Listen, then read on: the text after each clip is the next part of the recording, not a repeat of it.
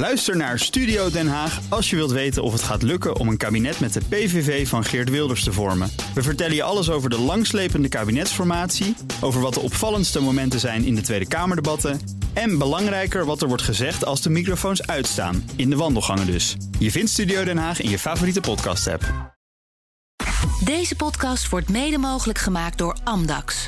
Het handelshuis voor de serieuze cryptobelegger. Welkom bij de Cryptocast 229, deel 2, het podcastgedeelte. In het eerste gedeelte hebben we het gehad over het laatste crypto-nieuws. Vind je als de vorige aflevering, 229a. En nu gaan we het hebben over Chainalysis en het vak van blockchain-analyse. Met Bas Lemmens, hartelijk welkom. Dankjewel. Jij bent General Manager Europe, Middle East en Africa. Dat uh, wordt in het bedrijfsleven EMEA genoemd hè, bij Chainalysis. Mijn co-host is Krijn Soeterman, cryptojournalist, auteur van de Crypto-encyclopedie. Hoi. Hoi.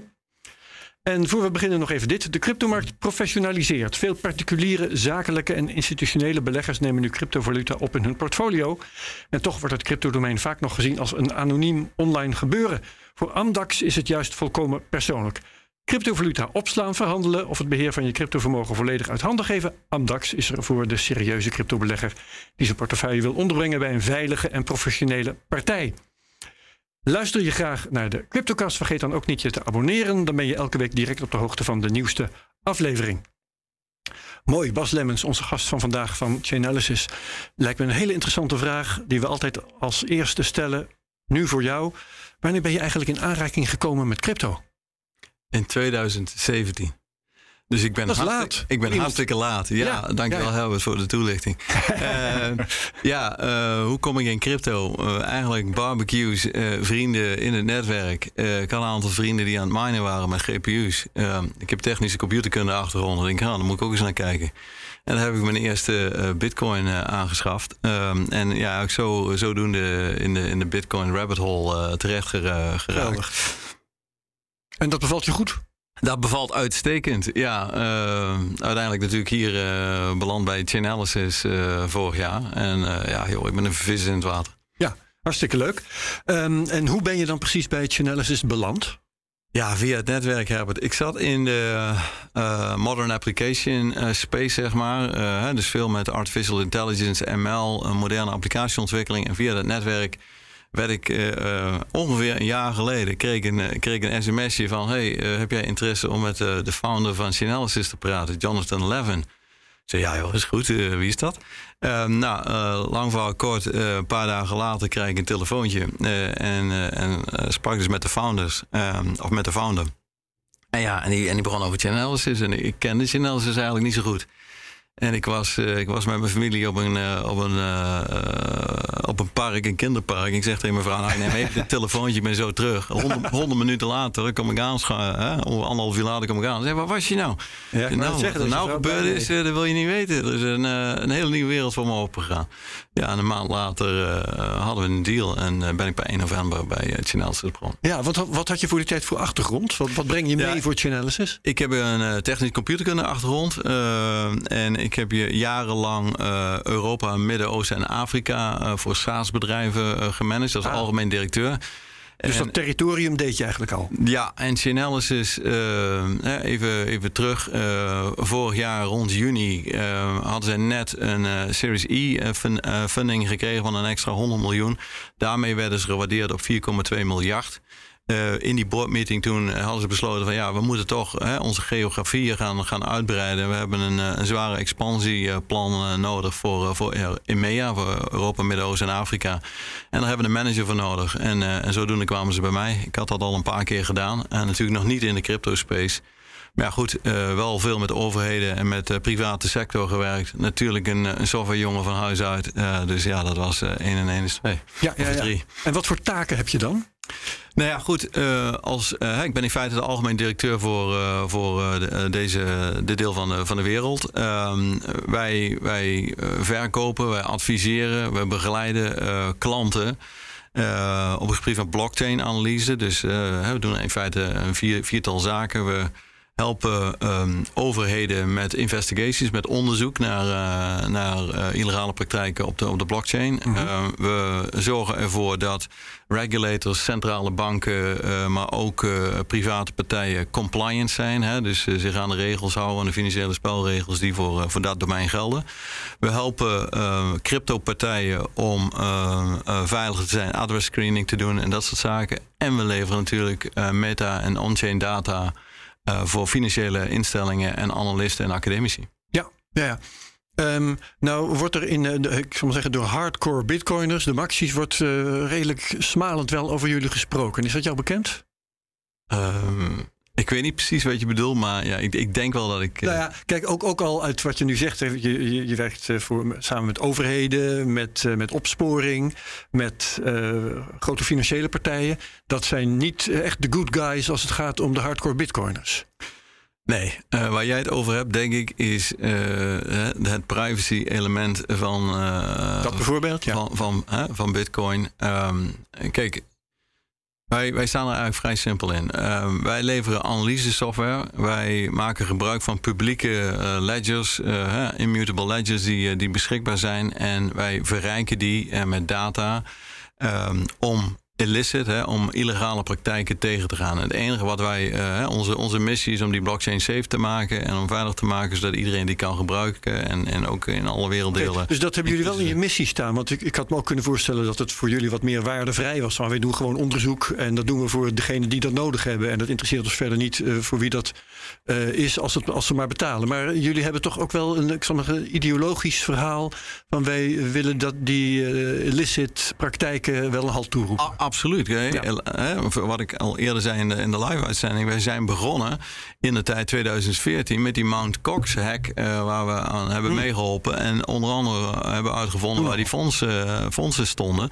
Dus in feite is onze missie om die blockchain safe te maken. Maar kijk, wat we natuurlijk niet moeten uh, uitsluiten is dat er illegaliteit plaatsvindt. Ja. 0,15% van alle uh, even kijken, 15,8 triljoen uh, dollars die uh, afgelopen jaar door, over de blockchains heen zijn gegaan. 0,15% is gerelateerd aan illegale praktijken. En als we dat kunnen tegenhouden, dan wordt het een, een, een veiliger domein. gaat het ecosysteem groeien, krijgen we meer adoptie en meer inclusiviteit. Is dat dan vergelijking met het gewone financiële systeem veel of weinig? Nou, dat is hartstikke weinig, Krijn. Want uh, als je kijkt naar, uh, naar schattingen van uh, formele partijen. Kijk, hoe meet je illegale activiteiten in fiat? Hè? Dat is natuurlijk een, een, een, lastige. Maar dat wordt geschat tussen de 2 en de 5 procent. Op crypto is dat 0,15 procent. En we komen af van 0,61 procent vorig jaar. En we zitten nu op 0,15 procent. En, en waar, waar komt die afname door? Wat is de... Nou ja, door, doordat uh, uh, blockchains met uh, de, de transparantie die in de blockchains zitten, niet de allerbeste manier is om fondsen te verduisteren of om illegale praktijken te plegen. Ja, en, en wij en andere partijen proberen die boeven op te sporen natuurlijk. En, en daar lijken we percentueel succesvol. Overigens heb ik wel begrepen dat wat nu dat vroeger die uh, 0,6 was en nu 0,15, dat dat een ondergrens is. Want um, dan ga je uit van de adressen waarvan je zeker weet, uh, zo goed als zeker weet, dat die uh, dubieus zijn. Um, en dat kan van jaar tot jaar kan dat aantal groeien, omdat je meer adressen ontdekt die dubieus zijn. Klopt. Dus jullie ehm, herzien dat, de cijfers uit het verleden, herzien jullie ook wel eens opwaarts? Absoluut, absoluut. En sterker nog, uh, als je kijkt naar onze nieuwe, laten we zeggen, hè, we, brengen natuurlijk het Crypto Crime Report uit. Dat, dat, dat was ons jaarlijkse rapport. We gaan nu hebben na een half jaar. Uh, dus ik denk dat in augustus onze volgende uitkomt met een update. En met name vanwege die snelheid en die ontwikkelingen die er plaatsvinden.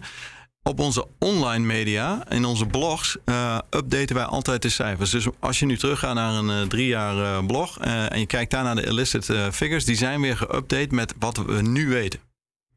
He, dus, ja. dus je moet in feite zo zien dat onze analyse tools, die worden natuurlijk heel, steeds slimmer. boeven worden gepakt. Ehm, er zijn grote hacks die, worden, die worden opgespoord via rechtspraak en via, laten we zeggen, uh, ingrijpen van, uh, van overheden, krijgen we steeds meer data uh, ter beschikking, dus publieke data. Die wordt aan die database toegevoegd en daarmee kunnen we natuurlijk terugkijkend, ja. hè, want alles, of de, iedere transactie op de blockchain is eeuwig inzichtelijk, kunnen ja. we terugmappen. Ja. Ja. dat, dat vond ik een van de leukste dingen. Helemaal in het begin toen je nog bier kon kopen met bitcoin hier in Amsterdam in 2014 of zo. Dat je gewoon kon laten zien aan vrienden van kijk, nu gaat het van daar naar daar. En dat was mijn transactie. Precies. Nou, ja, dat was een soort van micro-blockchain analysis. Maar En dan kun je vijf jaar later kun je dat biertje Ja, dat je hebt betaald eh, nog terugvinden. ja, en ook het verschil in, eh, nou goed. Krijn, heb je ook pizza's gekocht? Of, eh? Nee, dat was voor mijn tijd. Ah, oké. Oh, Krijn, op die en die datum heb je best wel veel bier gedronken, jongen. Ja, dus, of misschien, eh, ja, dat zou kunnen. Weet Ja, nooit. dat zou kunnen. Ehm, hebben jullie bij Genesis ook ehm, specifieke producten? Of is het zo dat iemand die onderzoek gedaan wil hebben zich bij jullie meldt en dat jullie dan het onderzoek doen dat die eh, instantie vraagt? Nee, wij, eh, wij hebben softwareproducten. Eh, Reactor is het product wat gebruikt wordt door investigators. Er is een, een onderzoekstool waarbij je ehm, eh, die analyse kunt uitvoeren. Grafisch weergegeven worden door eh, vele eh, overheden en instanties gebruikt eh, over de hele wereld. We hebben een tool die heet KYT, Know Your Transactions. Dat is een, een die speelt natuurlijk op het KYC-proces, Ja. het, Know Your, know your customer, ken je klantenproces, oftewel een, een, een transactie monitoring. Ehm, wij eh, leveren eh, crypto's. Dat is een, eh, dat is een product wat we zeggen, inzicht geeft in de geldstromen op, op de blockchain. Dus waar, waar Roet het net over had. Hè. Eh, In het radiodeel. en het radiodeel, eh, ja. waar, waar je bijvoorbeeld kunt aangeven van hè, wat is nou bijvoorbeeld het cryptovolume in Nederland? Eh, wat gaat er in en uit de exchanges? In welke periode is er een uptake, is er een downtake? Wat is het effect van Luna op? Nou, noem maar. Hmm. Ehm, dus dat, dat product hebben we ook. Ehm, en dan ehm, eh, hebben we nog een product dat heet eh, Storyline. Dat wordt gebruikt, dat is, dat is, dat is iets nieuws. Eh, wat we heel veel zien is in het kader van NFT's, in het kader van eh, multi-chain hopping noemen we dat. Het wordt steeds lastiger om, om eh, blockchain analyse te doen, omdat er diverse verschillende blockchains gebruikt worden en swaps gebruikt worden. om coins en assets te swappen. Ja, hoe volg je dat nog? Dan zou je een multidimensioneel uh, of dimensionaal uh, onderzoek moeten doen. Nou, die storyline die plot dat heel mooi uit en die laat dus in feite zien uh, hoe de transactie verloopt. Dus als je dat zeg maar, zeg maar zou zien van bijvoorbeeld, uh, ik, doe mijn, ik doe mijn ether naar de Polygon chain, dan zie je dus uh, in jullie tool dat ik van de ene ketel naar de andere ga. Absoluut. Absoluut. Ik, kan, ik kan bijvoorbeeld zien hè, over NFT's, wash trading bijvoorbeeld. Wat, wat, is dat? Uh, uh, wash trading is een, uh, is een principe waarbij iemand die het eigendom heeft van bijvoorbeeld een NFT, kunstmatig met andere adressen heel veel trade doet, waardoor oh, ja. het volume op die, op die NFT toeneemt. Ja, en, en daarmee ja, speculeert en speculatie in, in handwerk. Ja. Wat, wat, we daar dus kunnen zien krijgen is dat we kunnen bijvoorbeeld zien van hoe jij van je ETH naar bijvoorbeeld op, op OpenSea of zo, welke asset je aangekocht hebt. We kunnen daar de handel in zien. Je kunt ook zien dat jij die bijvoorbeeld swapt uh, die NFT daarna voor wat anders. En waarom is dit belangrijk? Voor de normale gebruiker is het natuurlijk niet zo belangrijk. Maar wederom in het kader van witwassen en terrorist financing, die gebruiken ook dit soort uh, technieken en ook dit soort uh, swaps om, uh, op multi-chain om dat te doen. En in feite frustreren ze daarmee justitie en politie om dat te volgen. Want ja, dat, is, dat wordt steeds lastiger als je dat ja, doet bij multi-chain. Ja. Um, nu jij zegt terrorist financing, uh, dat is een vraag die, waar ik eigenlijk altijd mee zit. Uh, werd nu ook weer genoemd in het kader van Binance en de boete die ze hebben gekregen. Dan zegt de Nederlandse bank weer, doordat ze niet geregistreerd waren, was de kans uh, dat er witwas en terrorismefinanciering plaatsvond, was groter. kunnen jullie op grond van onderzoek zeggen dat of er wel of niet een serieuze hoeveelheid financiering van terrorisme plaatsvindt? Via crypto? Daar ben ik toch wel erg benieuwd naar. Ja, absoluut. Wat uh, gebeurt? Of ja. kun je dat zeggen? nou, even niet, niet gerelateerd aan dat, aan dat, dat, dat Binance-registratie. Uh, uh, daar heeft dat even niks mee te maken. Maar ja, we kunnen natuurlijk zien hoeveel volume, wanneer en, en, en hoe naar terrorist financing gaat. Hè. Hoe weet je dat dan? Want hoe weet je hoe dat een adres gekoppeld is aan terrorismefinanciering? Nou ja, heel simpel. Um, Ja, we zijn uh, acht of uh, denk acht jaar bezig of zo. Um, die adressen die worden opgeslagen. Als jij bijvoorbeeld kijkt naar, um, noem het maar eens, uh, ISIS en een aantal groepen in het Midden-Oosten. Um, daar heb je vast plaatjes gezien, misschien op Twitter of op social media, waarin ze zo'n banner voor zich houden met een, ja, een Bitcoin-adres van uh, doneer ons uh, met onze, ja. ons gevecht. Hè, dat noteren jullie gewoon. Ja, nou ja, ja. Uh, maar inmiddels hebben we duizend, we hebben miljoenen adressen, omdat je vanuit het ene adres kun je door traceren naar het volgende adres. En kun je in feite wat wij noemen een service in kaart brengen. En als je zo'n service eenmaal in kaart gebracht hebt, en dat hebben we met, voor terrorist financing. Um, dan kunnen we dus uh, eigenlijk kijken of een transactie of een uh, exposure heeft, uh, in aanraking ja. is geweest met zo'n terrorist. Ja. En wat voor, vertel dan eens, wat voor schaal heeft dat, die terrorismefinanciering? In miljarden per jaar of in. Uh, ja, dat, dat, nou, dat, dat, dat weet ik zo niet uit mijn hoofd. Ja, ik, heb, nee. ik heb honderden getallen in mijn hoofd, maar die heb ik zo niet even uh, in mijn hoofd. Um, en hoe groot. En, laat, laat, ik even één ding heel, heel duidelijk maken. Ik kan je ja. dat punt wel, dat, dat nummer wel later wel geven. Dat is niet zo heel erg groot. Nee. Um, dus dan praat je over een aantal honderden miljoenen. Um, en, en, maar dat is even niet de kern hier. Hè. De kern is niet het bedrag. De, uh, voor terrorist financing is het spoor. De transactie is een proxy, is een indicator voor illegale activiteit. Mm -hmm. En, en um, als je bijvoorbeeld een oorlog wil financieren.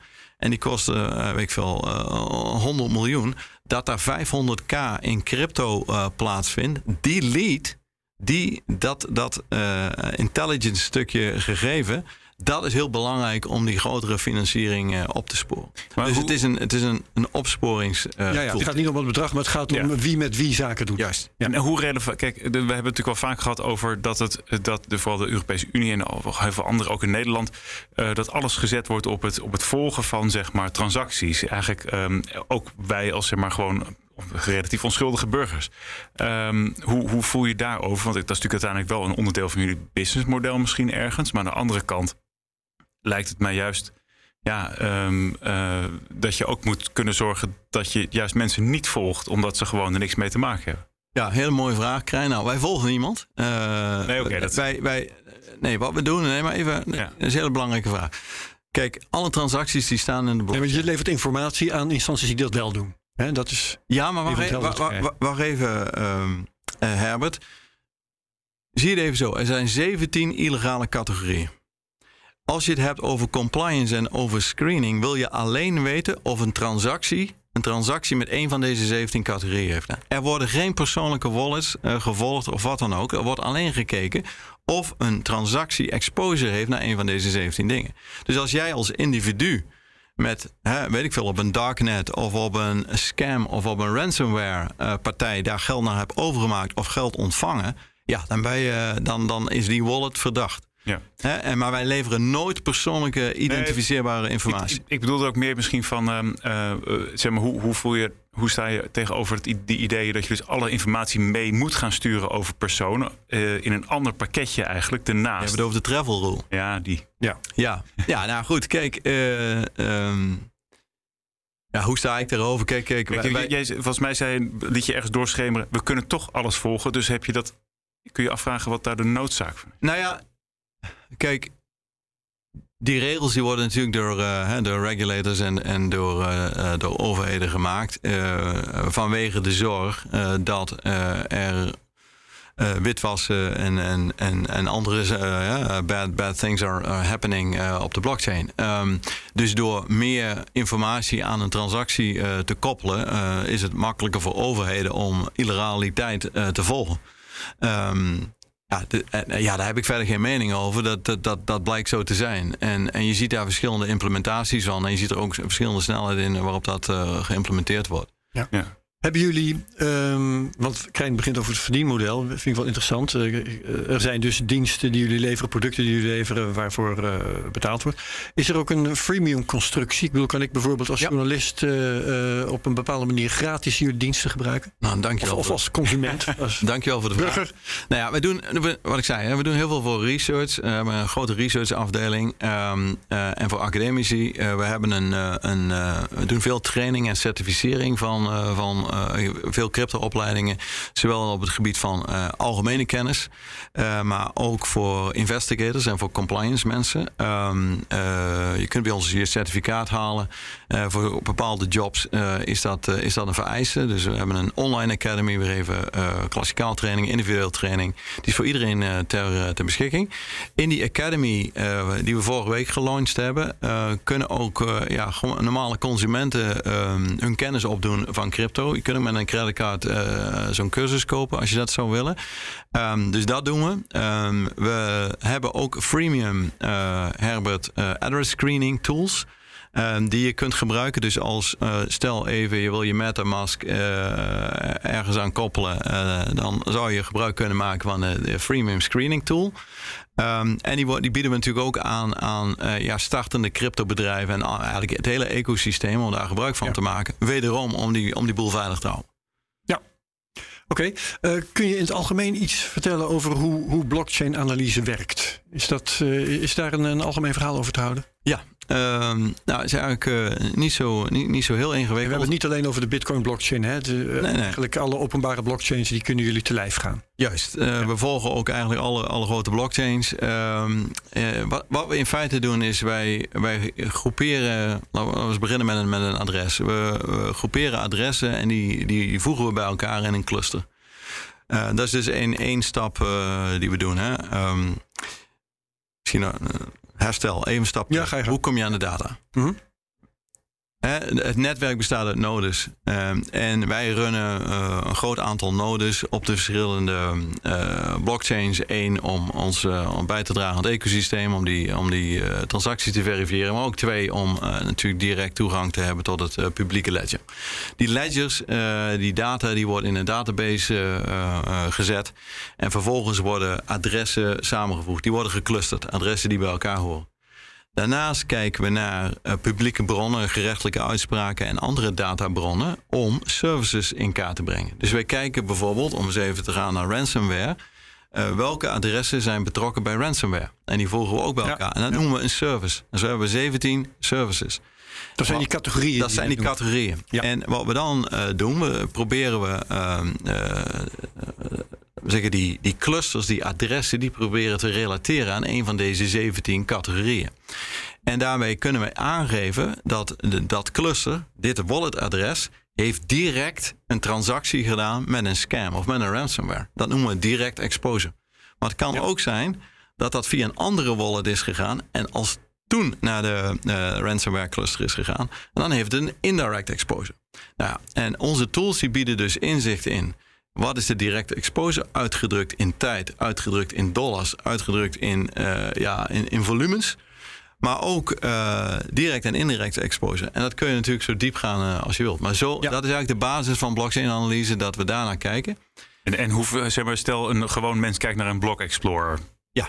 Het maakt niet zoveel uit welke. Zeg, uh, blok. Uh, Etherscan of zo. Ja, nou, doe wat dan. Ja. Etherscan. Ja. hoe, hoe, hoe, wat zien jullie meer dan gewoon mens? Nou ja, wij zien natuurlijk de exact dezelfde data. Hè? We ja. hebben daar geen voordeel. Um, alleen, zoals we weten, het is, het is pseudo. Hè? Het is een, een, een het is, uh, je ziet die walletadres, je ziet die transactie, je ziet waar het vandaan uh, kwam, waar het naartoe gaat. Je ziet de tijd en je ziet uh, welke, welke asset getransferd is.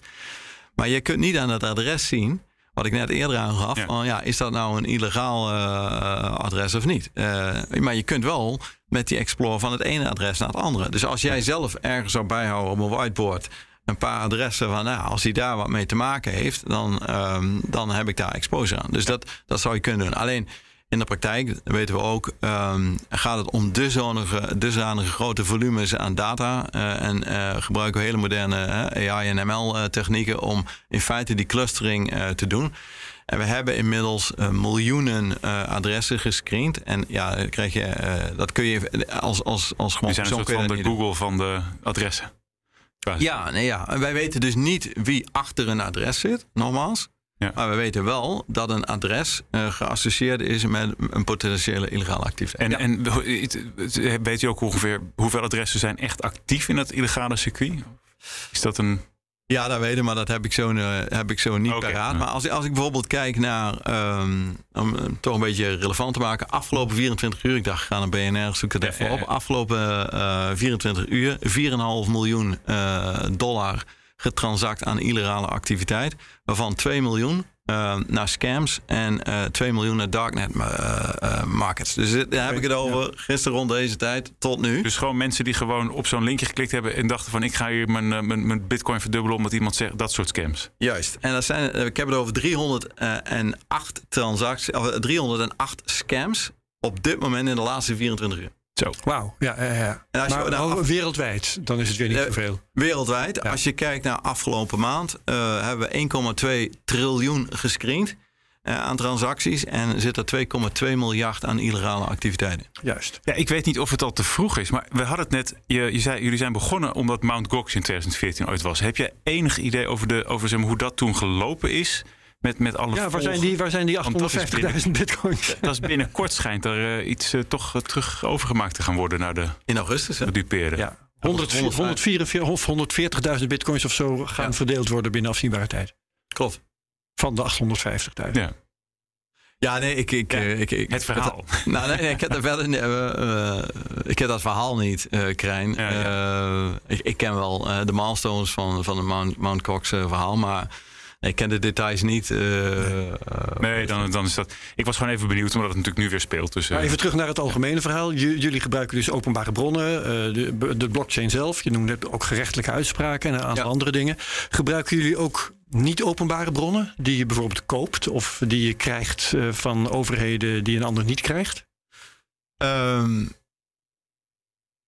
Oeh, dat weet ik eigenlijk niet. Kijk, eh, niet, niet zonder meer. Kijk, één stap terug hebben. Waarom gebruiken wij gerechtelijke uitspraken en publieke eh, data? Wat wij zeker willen stellen, is dat als je zo'n adres koppelt aan zo'n service, moet je wel 100% zeker zijn dat dat zo is. Hè? Ja. Want anders dan ja, geeft u eh, foutieve informatie.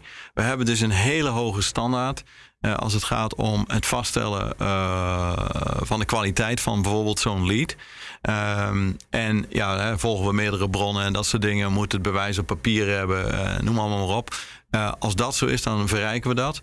Ehm, of wij ook data krijgen die niet publiek to- toegankelijk zijn, dat weet ik niet. Nee, oké. Ehm, ander interessant verhaal eh, is het Lightning Network. Mhm. Eh, nou, dat is sinds eh, 2015 ongeveer eh, is dat in aanbouw. Intussen is het volledig functioneel en, en werkt het op allerlei manieren. is voor iedereen toegankelijk. Steeds meer diensten integreren dat. En dat maakt jullie werk volgens mij wel moeilijker. Want er ligt nu naast de blockchain ligt een, heel, liggen een hele hoop kladpapiertjes. Waarop eh, de- tijdelijk eh, wat eh, balansen worden bijgehouden. Die eens in zoveel tijd, maar soms misschien zelfs pas lang, na heel veel tijd, worden verwerkt op de blockchain. In één transactie die staat voor misschien wel honderden, duizenden transacties die niet op de blockchain zijn vastgelegd. Wat doen jullie daarmee? Nou ja, ehm, wat doen we daarmee? Wij, wij, hè, als je kijkt naar onze compliance suite, dan eh, proberen we eh, banken en eh, instanties tools aan te reiken om transacties te kunnen monitoren, dat ze geen illegaliteit eh, bevatten. Ehm, die tools kun je ook deels gebruiken voor Lightning, maar daar heb je natuurlijk wel een KYC exchange nodig die, die daar gebruik van maakt. En ja, dat, in zoverre ondersteunen we dat dus ook. Ehm, alleen, eh, ik denk dat je dat eh, achter jouw vraag ligt. Eh, het is veel lastiger om dat te traceren. En er zijn ook manieren, manieren om dat eh, te omzeilen. Ja, want, want als er precies als er een, een of andere officiële exchange, nou ja, Binance hebben we het gehad in, in het nieuwsgedeelte van deze aflevering. Als die meewerkt, dan kunnen ze hun administratie aan jullie overhandigen. Of nou, er zijn wel manieren voor.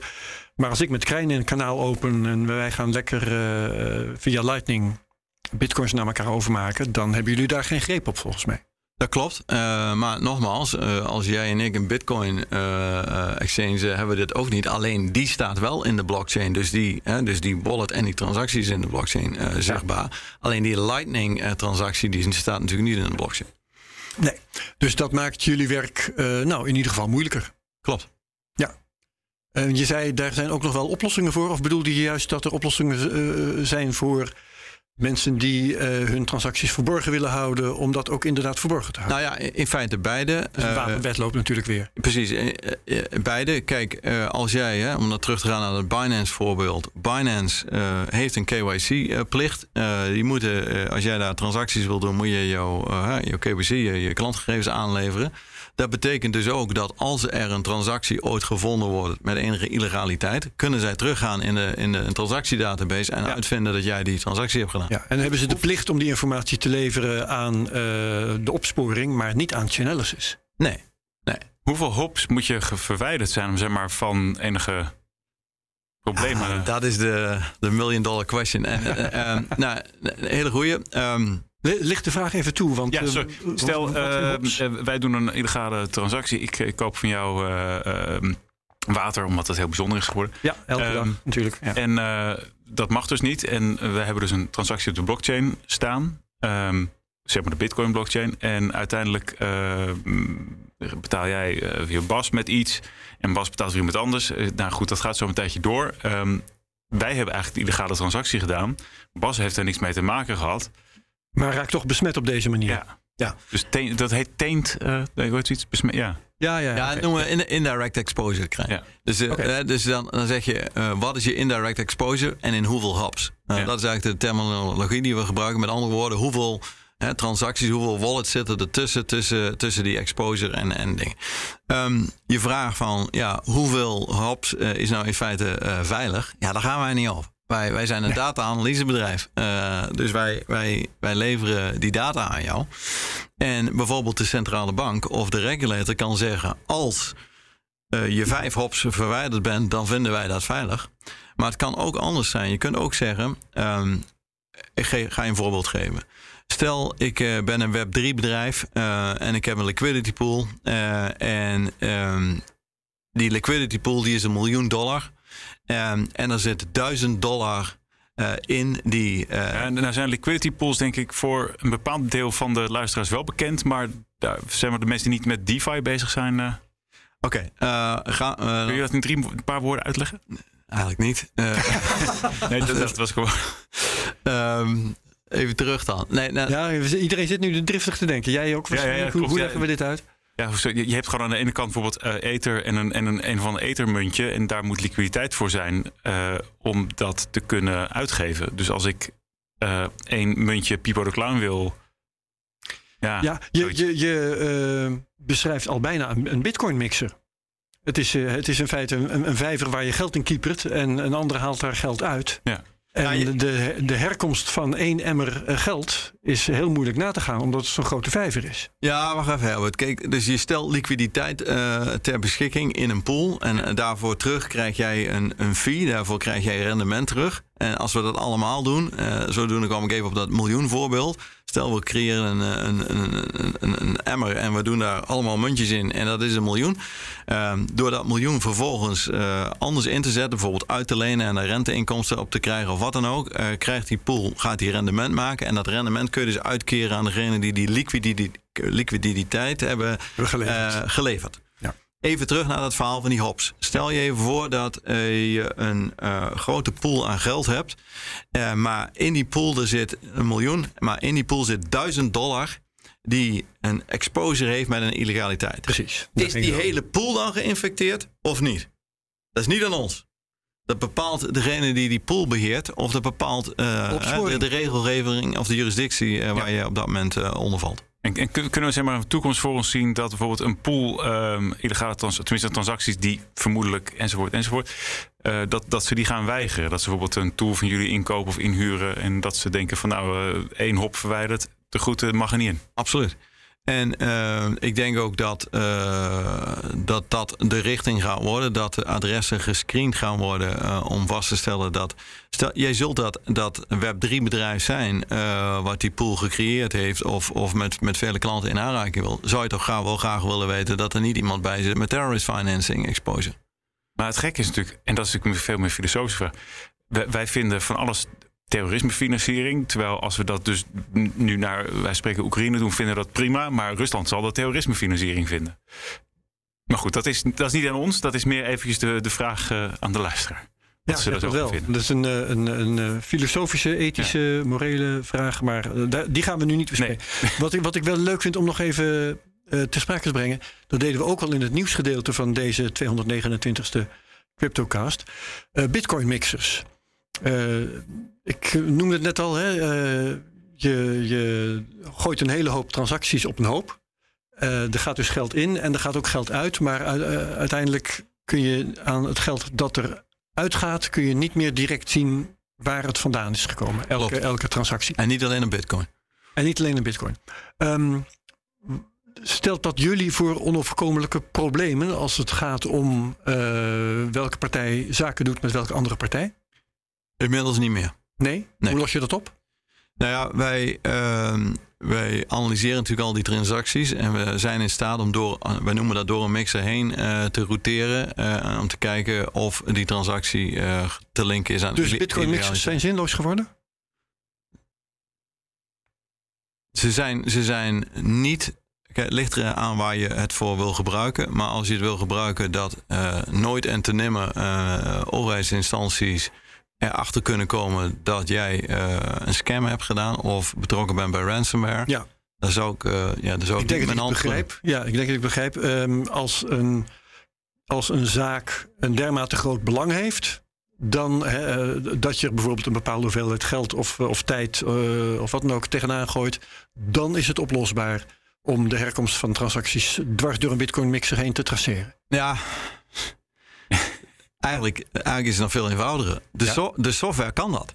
Ja, Dus het maakt niet uit of dat, of dat wel of niet van belang Wij alleen een prijskaartje aan. Nou, nou, ook, nog- ook nog niet eens, Herbert. Kijk, het is, het is zo dat... ehm, nogmaals, het gaat alleen om illegale transacties. Dus als jij als ehm, een overheidsinstelling in Nederland... of in welk land ter wereld ook... een eh, verdachte transactie heeft of een partij heeft... Waar ze, die ze hiervan verdenken... hoeven ze de software maar, maar aan te zetten en te screenen en ze zien het.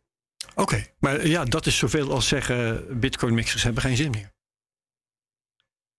Ik denk dat, laat ik het anders zeggen, op termijn wordt dat eh, steeds en steeds eh, minder zinvol om die te gebruiken. Als je doel is om eh, uit de handen van eh, politie en justitie te blijven.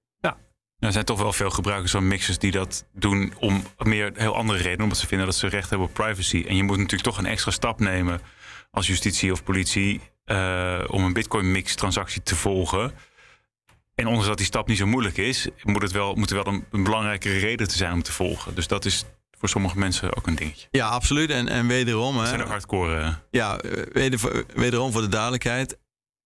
Individuele transacties, individuele wallets worden niet, eh, daar, worden niet gescreend daarop. Er wordt alleen gekeken of een transactie te linken is aan Ja. een van die 17 categorieën. En, en, de, en nou, laat ik het even afronden. Of er een mixer in de route zit naar een van die 17 categorieën, dat maakt qua technologie inmiddels niet meer uit. Dat is helder. Oké, interessant. Ehm, jullie hebben een Crypto Incident Response Team. Ja, Klinkt heel interessant. Eh, vertel eens eh, wat die doen. Ja, Bijvoorbeeld? hartstikke leuk. Eh, ik, ik ben betrokken geweest bij, de, bij de, de definitie en de oprichting van deze service. Ehm, ja, wat, wat is dit? Ehm, hè, eh, hoe was vroeger ook weer eh, die film met, met Ghostbusters? Hè? Wie bel je? Hoe hoe je Who you call? ja. Who you gonna call? Ghostbusters. Ehm, Het is een beetje hier hetzelfde. Ehm, eh, denk even, je bent een private partij en je wordt gehackt. Eh who you gonna call? Ehm, eh, wij hebben in feite een service ontwikkeld eh, met onze investigators. We hebben 92 investigators over de hele wereld zitten in alle tijdzones. Waarbij we eh, partijen die, ehm, eh, die gehackt zijn of partijen die, laten we zeggen, uit voorzorg een, een, een noem het maar een expertise team achter de hand willen hebben, ons kunnen inhuren om ehm, bij een hack of bij een heel ja, gevaarlijk incident opsporing te kunnen doen of mee te kunnen helpen om één, eh, de trace of funds te doen. Twee, om mogelijk de, de assets te allokeren. eh, en eventueel met overheden eh, die assets te freezen en terug te halen. Maar we doen in feite twee dingen. Eén, het volgen van de stroom van gelden. En twee, het, het opsporen van de boeven. Ja, ja, ja. Ehm, wat mij nou nog te binnen schiet als het gaat om crypto en criminaliteit. laten we even ransomware als voorbeeld nemen. Ehm, sommige mensen zeggen. crypto is, uh, het is allemaal zo traceerbaar. Alleen domme criminelen vragen nog om bitcoin uh, voor, hun, uh, voor hun ransomware. Anderen zeggen, criminelen vragen nog steeds om bitcoin voor hun ransomware, dus het zal nog wel werken. Welke van de twee is waar? Nou, ze hebben beide een beetje gelijk. Um, laten we, als je het even over ransomware. Ransomware wordt steeds geavanceerder. Er is ook een, een, een, een trend die, die alleen maar toeneemt. Uh, en we weten inmiddels dat er nation states achter ransomware zitten. Uh, denk met name aan Noord- Noord-Korea en Rusland. Ja. Um, uh, die, die ransomware, um, uiteindelijk, als jij een ransom doet, ik leg een bedrijf plat, bijvoorbeeld een ziekenhuis of een, weet ik veel, een overheidsinstelling. En uh, ze betalen jou de ransomware bounty of de premie. Uh, dan, wat ga je dan met dat geld doen? Uh, je wil dat geld toch ergens. Je hebt twee mogelijkheden wat je met dat geld doet. Eén, uh, je gebruikt om uit te cashen ergens. Dus lees, je moet uh, die, welke, welke asset het ook is, naar fiat omzetten. En je moet dat ergens kunnen opnemen. Dus dat, dat hè, het, het, noem het maar de uitgang van het gebouw, die wordt bewaakt. Dus dat is één.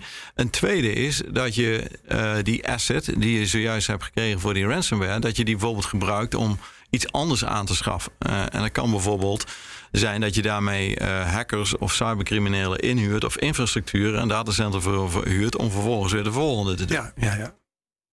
Die, dus, uh, die ketting. Ja, die ketting. Dus, dus um, ja, daar, daar wordt het voor gebruikt. En um, ja, daar, daar, daar, gebruiken, daar gebruiken overheden dus, dus onze tooling voor om, om, om dat te voorkomen. En in de, de, noem het maar even, de Crypto Incident Response Service die wij aanbieden. Daarmee volgen we dus dit soort uh, fondsen.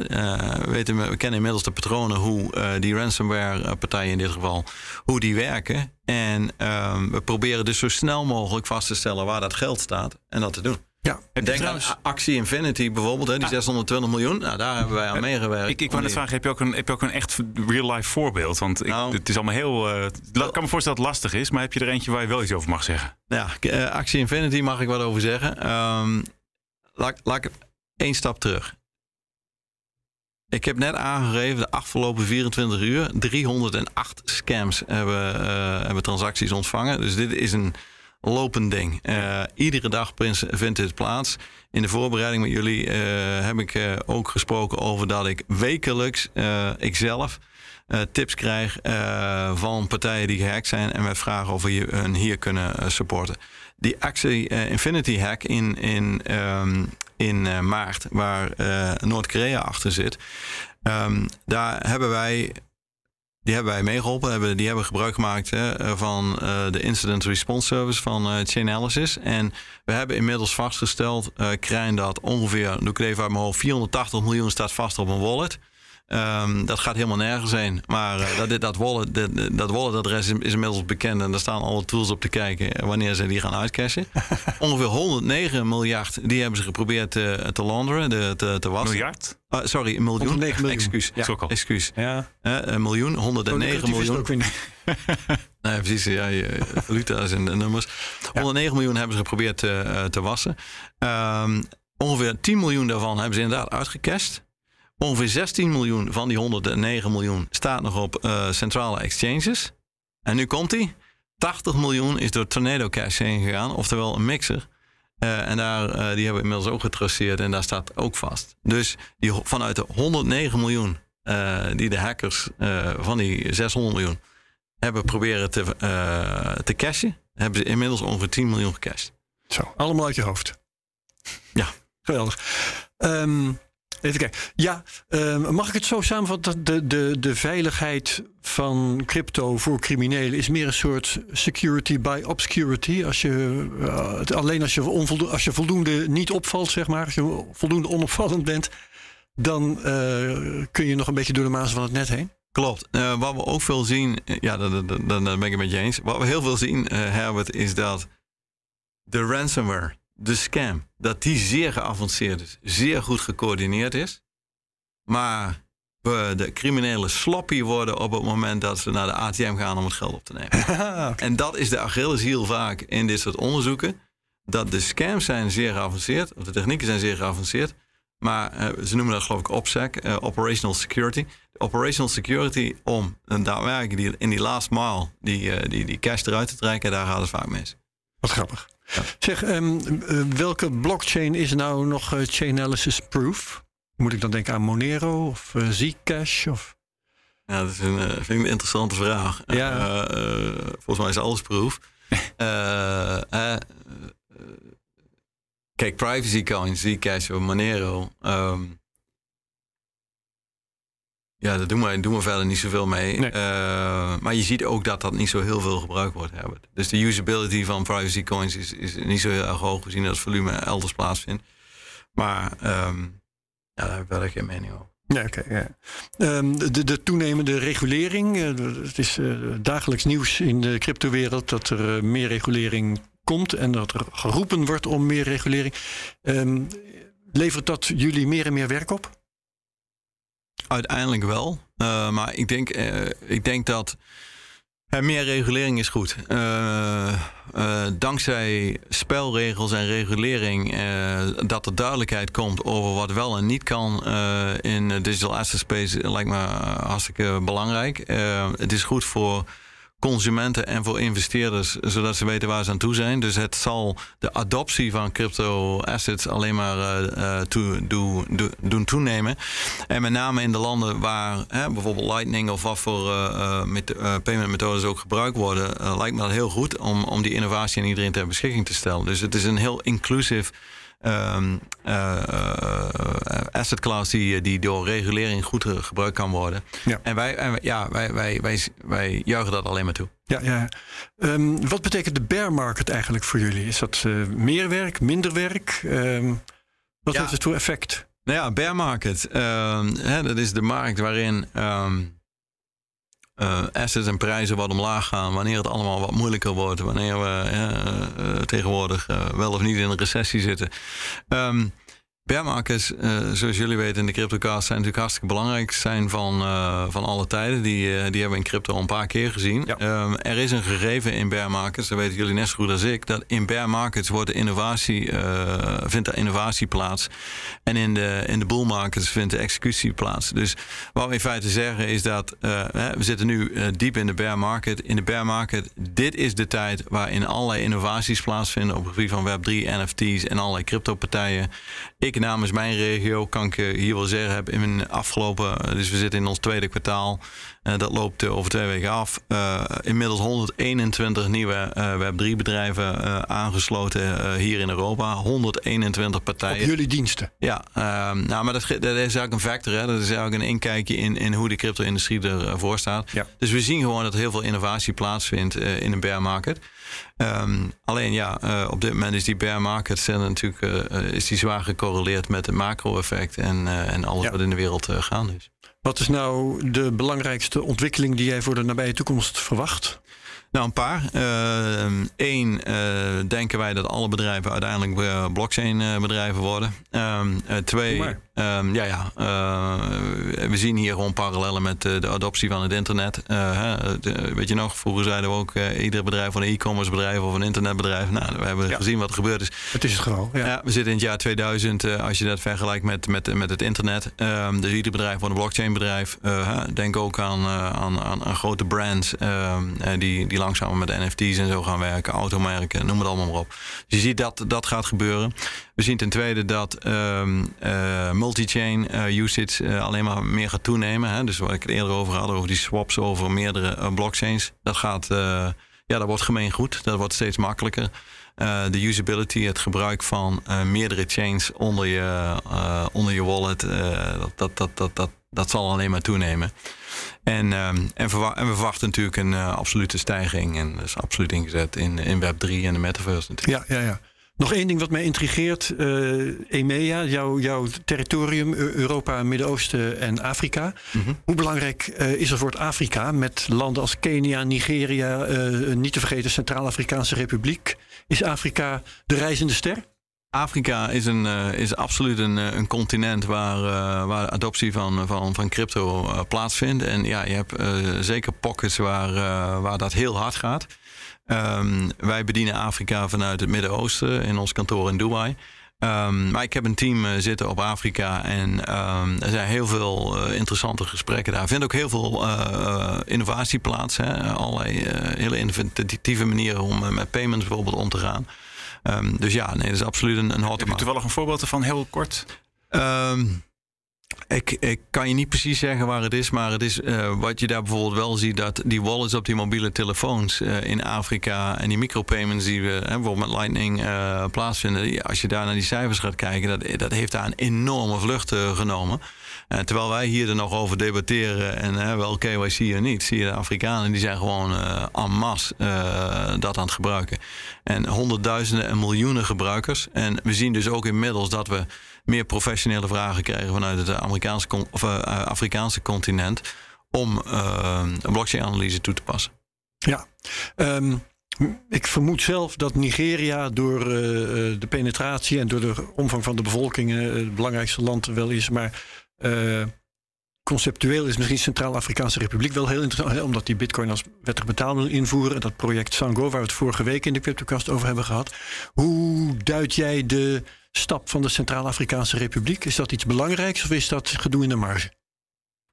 Nou, het is, is belangrijk natuurlijk. Ze volgen El Salvador daarin. Uh, ik vind het een heel uh, interessant project. Ik ben benieuwd uh, hoe, hoe zich dat gaat ontwikkelen. En, en we volgen dat op de voet. Ehm, ja.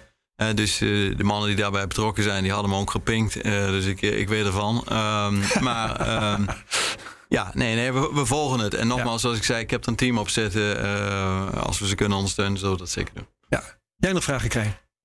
Waarschijnlijk nog honderdduizend, maar het is, oh. het, is, zijn zo, ja, het is gewoon een mega interessante ja. materie. En het is natuurlijk jammer dat het zo vaak richting toch dingen als criminaliteit gaat. Maar het is denk ik ook veel breder dan alleen maar dat als ik ja, en, en krijg misschien nog één ding. Uh, ik heb het toevallig ook even over het tweet. Als je bijvoorbeeld, uh, Herbert, je had over Afrika, maar kijk ook even naar het Midden-Oosten, wat daar... Ja, dat was ook een vraag die ik had. Als je, als je, als je nu ziet, hè, vanochtend hebben ze getweet in de Dubai-overheid of de Verenigde Emiraten, dat ze een nieuwe metaverse daar gaan opzetten. Uh, 40 miljard business verwachten, 40.000 jobs.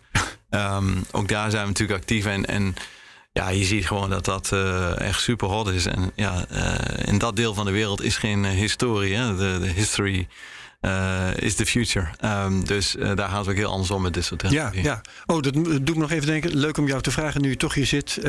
ik verneem de laatste tijd op Twitter wel eens geruchten... de Saoedische oliesheiks gaan bitcoin kopen. Hebben jullie dat al zien gebeuren? On-chain? Dat zal best. Uh, daar, daar, heb ik geen mening over. Ja, nee, ja, dat zou ik niet weten. Uh, nee, ik had geen antwoord verwacht eigenlijk, maar het was leuk om de vraag te stellen. Nee, zeker. Ja, mooi. Um, jij zelf nog iets wat wij uh, hadden moeten vragen? Nee hoor, ik vond het hartstikke leuk gesprek. Mooi zo. Nou, vonden wij ook. Tenminste, ik wel, Krijn. Z zeker. Tot de volgende Jij keer. ook bedankt, Krijn Soeterman. Bas Lemmens van Chainalysis dus. En tot zover deze CryptoCast. Als je deze aflevering leuk vond... Uh, kun je nog eens naar de AIX-factor gaan. Uh, ook een programma over investeren en beleggen. Ook de moeite waard. En zet de CryptoCast van volgende week in je agenda. Want dan hebben we een gesprek met macro-econoom Jasper Lukezen over de rol van bitcoin en crypto in onze economie. En co-host is dan Paul Buitink. Um, vergeet niet deze aflevering te delen met je volgers op Twitter. Gebruik de mention at CryptoCast.nl. Reviews laat je natuurlijk achter op Apple Podcasts, want dan worden we beter gevonden. Like, subscribe en comment op YouTube. Bedankt namens de CryptoCast redactie en heel graag tot volgende week. Dag allemaal. Deze podcast wordt mede mogelijk gemaakt door Amdax. Het handelshuis voor de serieuze cryptobelegger. Ook Diana Matroos vind je in de BNR-app. Ja, inderdaad. Je kunt live naar mij luisteren tijdens de Big Five. Ook handig in de BNR-app. Breaking nieuwsmeldingen, maar ook het allerlaatste zakelijke nieuws. En je vindt in de app alle BNR-podcasts, waaronder Wetenschap Vandaag. Download nu de gratis BNR-app en blijf scherp.